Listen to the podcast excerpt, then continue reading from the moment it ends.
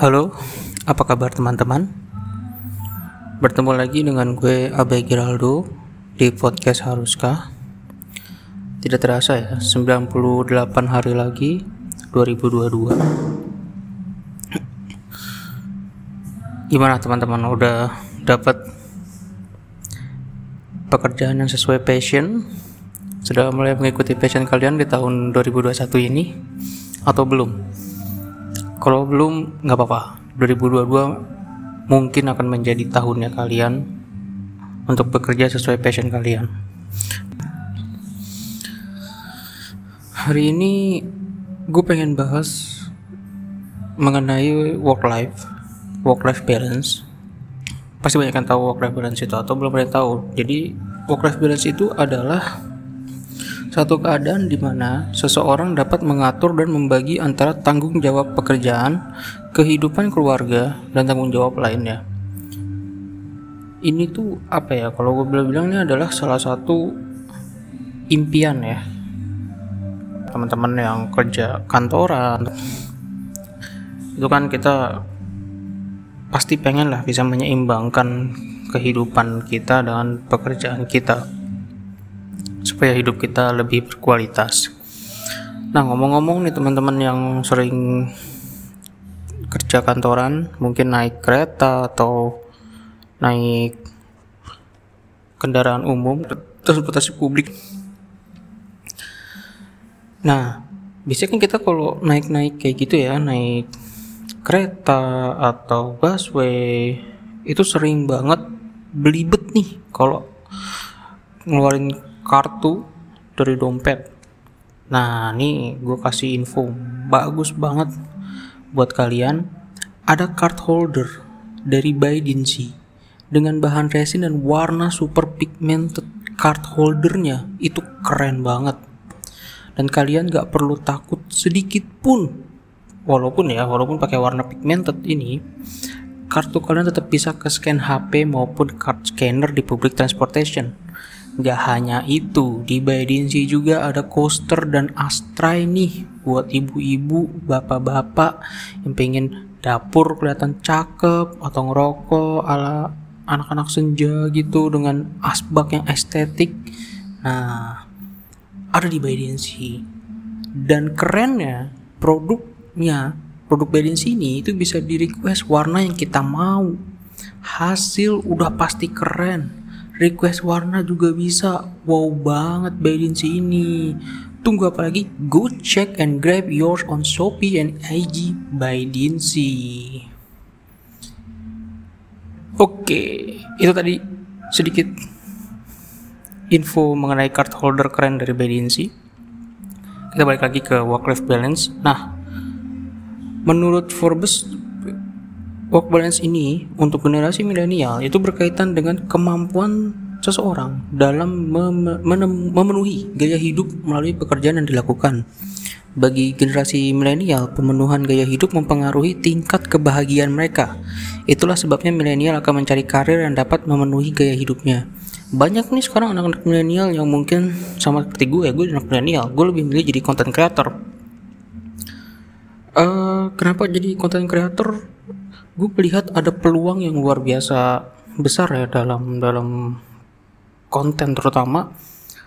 Dengan gue punya pemikiran kayak ini perusahaan akan mengeluarkan suatu produk. Semua produk perlu promosi dan konten atau media sosial platform media sosial dengan kontennya itu adalah salah satu sarana promosi paling ampuh untuk di era digital saat ini. Dan konten creator menurut gue memiliki salah satu peran penting di rantai uh, marketing promosi ini. Nah, balik lagi ke work life balance ini, ada beberapa manfaat dari work life balance ini.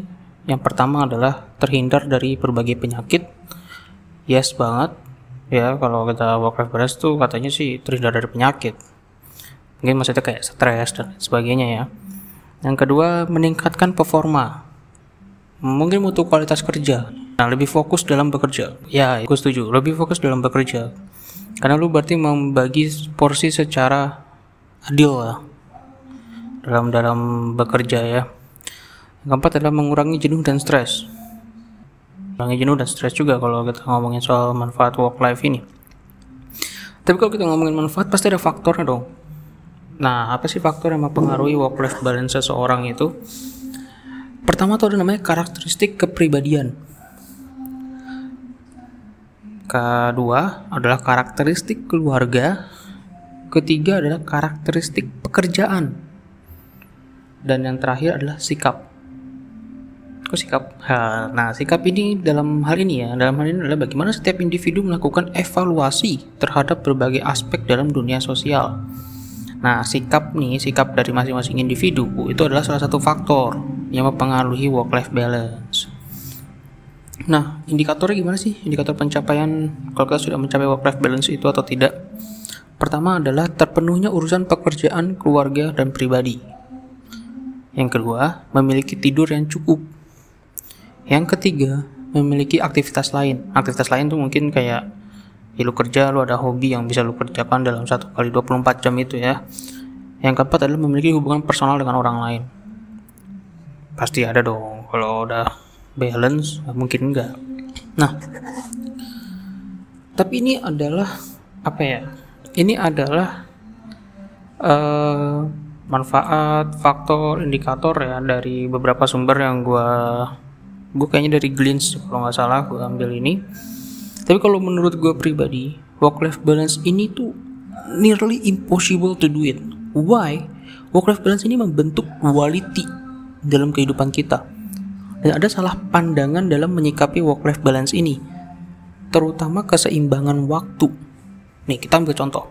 Dalam seminggu kita punya waktu kerja lima hari dan rekreasi mungkin dua hari libur dua hari ya kan? Untuk untuk hidup kita tuh dua hari berarti itu kalau kalau dalam seminggu.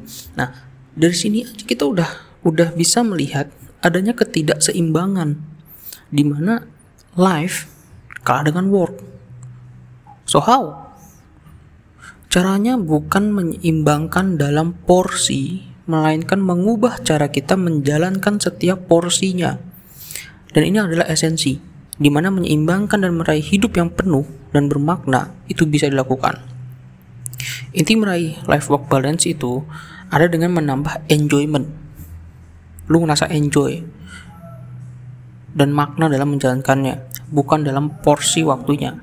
Nah, gue kasih tips untuk kenapa gue bilang nearly impossible ya work life ini. Nah, pertama adalah jangan pisahkan kesenangan dari pekerjaan.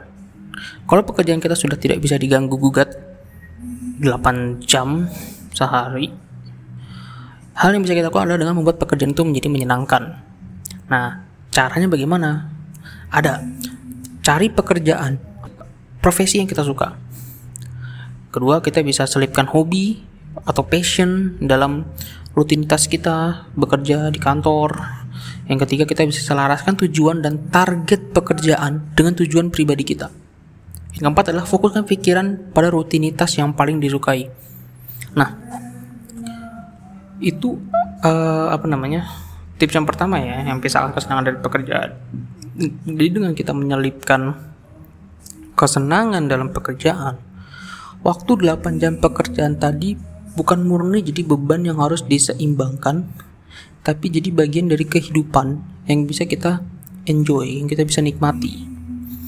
Kedua, pusatkan pada kualitas dan bukan kuantitas. Ini penting nih. Yang dimaksud di sini ini gini.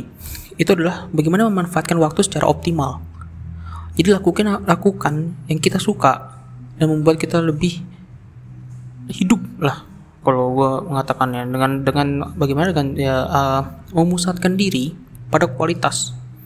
Mau itu sehari 4 jam mau dua jam.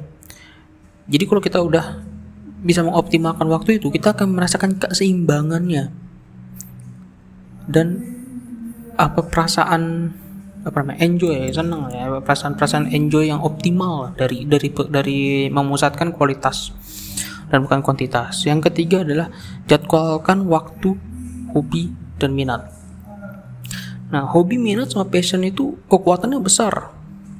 Buat apa namanya menjalani hari-hari kita tuh lebih menyenangkan penuh antusias. Nah, kita memberikan kita, uh, itu memberikan kita sensasi kepuasan ya. Kalau kalau kita ngomongin soal hobi minat atau passion nah dan kita menjadwalkan seoptimal mungkin ya dua jam lah sehari untuk hobi atau untuk minat. Akan menambah keseimbangan yang signifikan banget itu.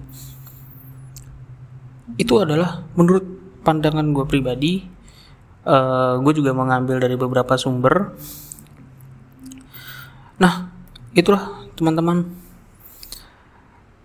uh, pembahasan kita mengenai work life balance ya itu nggak sebenar-benarnya mustahil ya. Ya itu seperti yang tadi gue bilang bisa. Cuma memang bagaimana kita menggunakan waktu dalam kesehari-hari ini dalam keseharian kita. Terima kasih teman-teman sudah mendengar podcast haruskah? Kalau ada yang ingin berbagi cerita mengenai masalah hidup cinta pekerjaan dan sebagainya bisa DM gue di Instagram @abegiraldo atau kirim email ke haruskahpodcast@gmail.com. Nanti ada di apa namanya bio podcast ya. Oke, terima kasih teman-teman.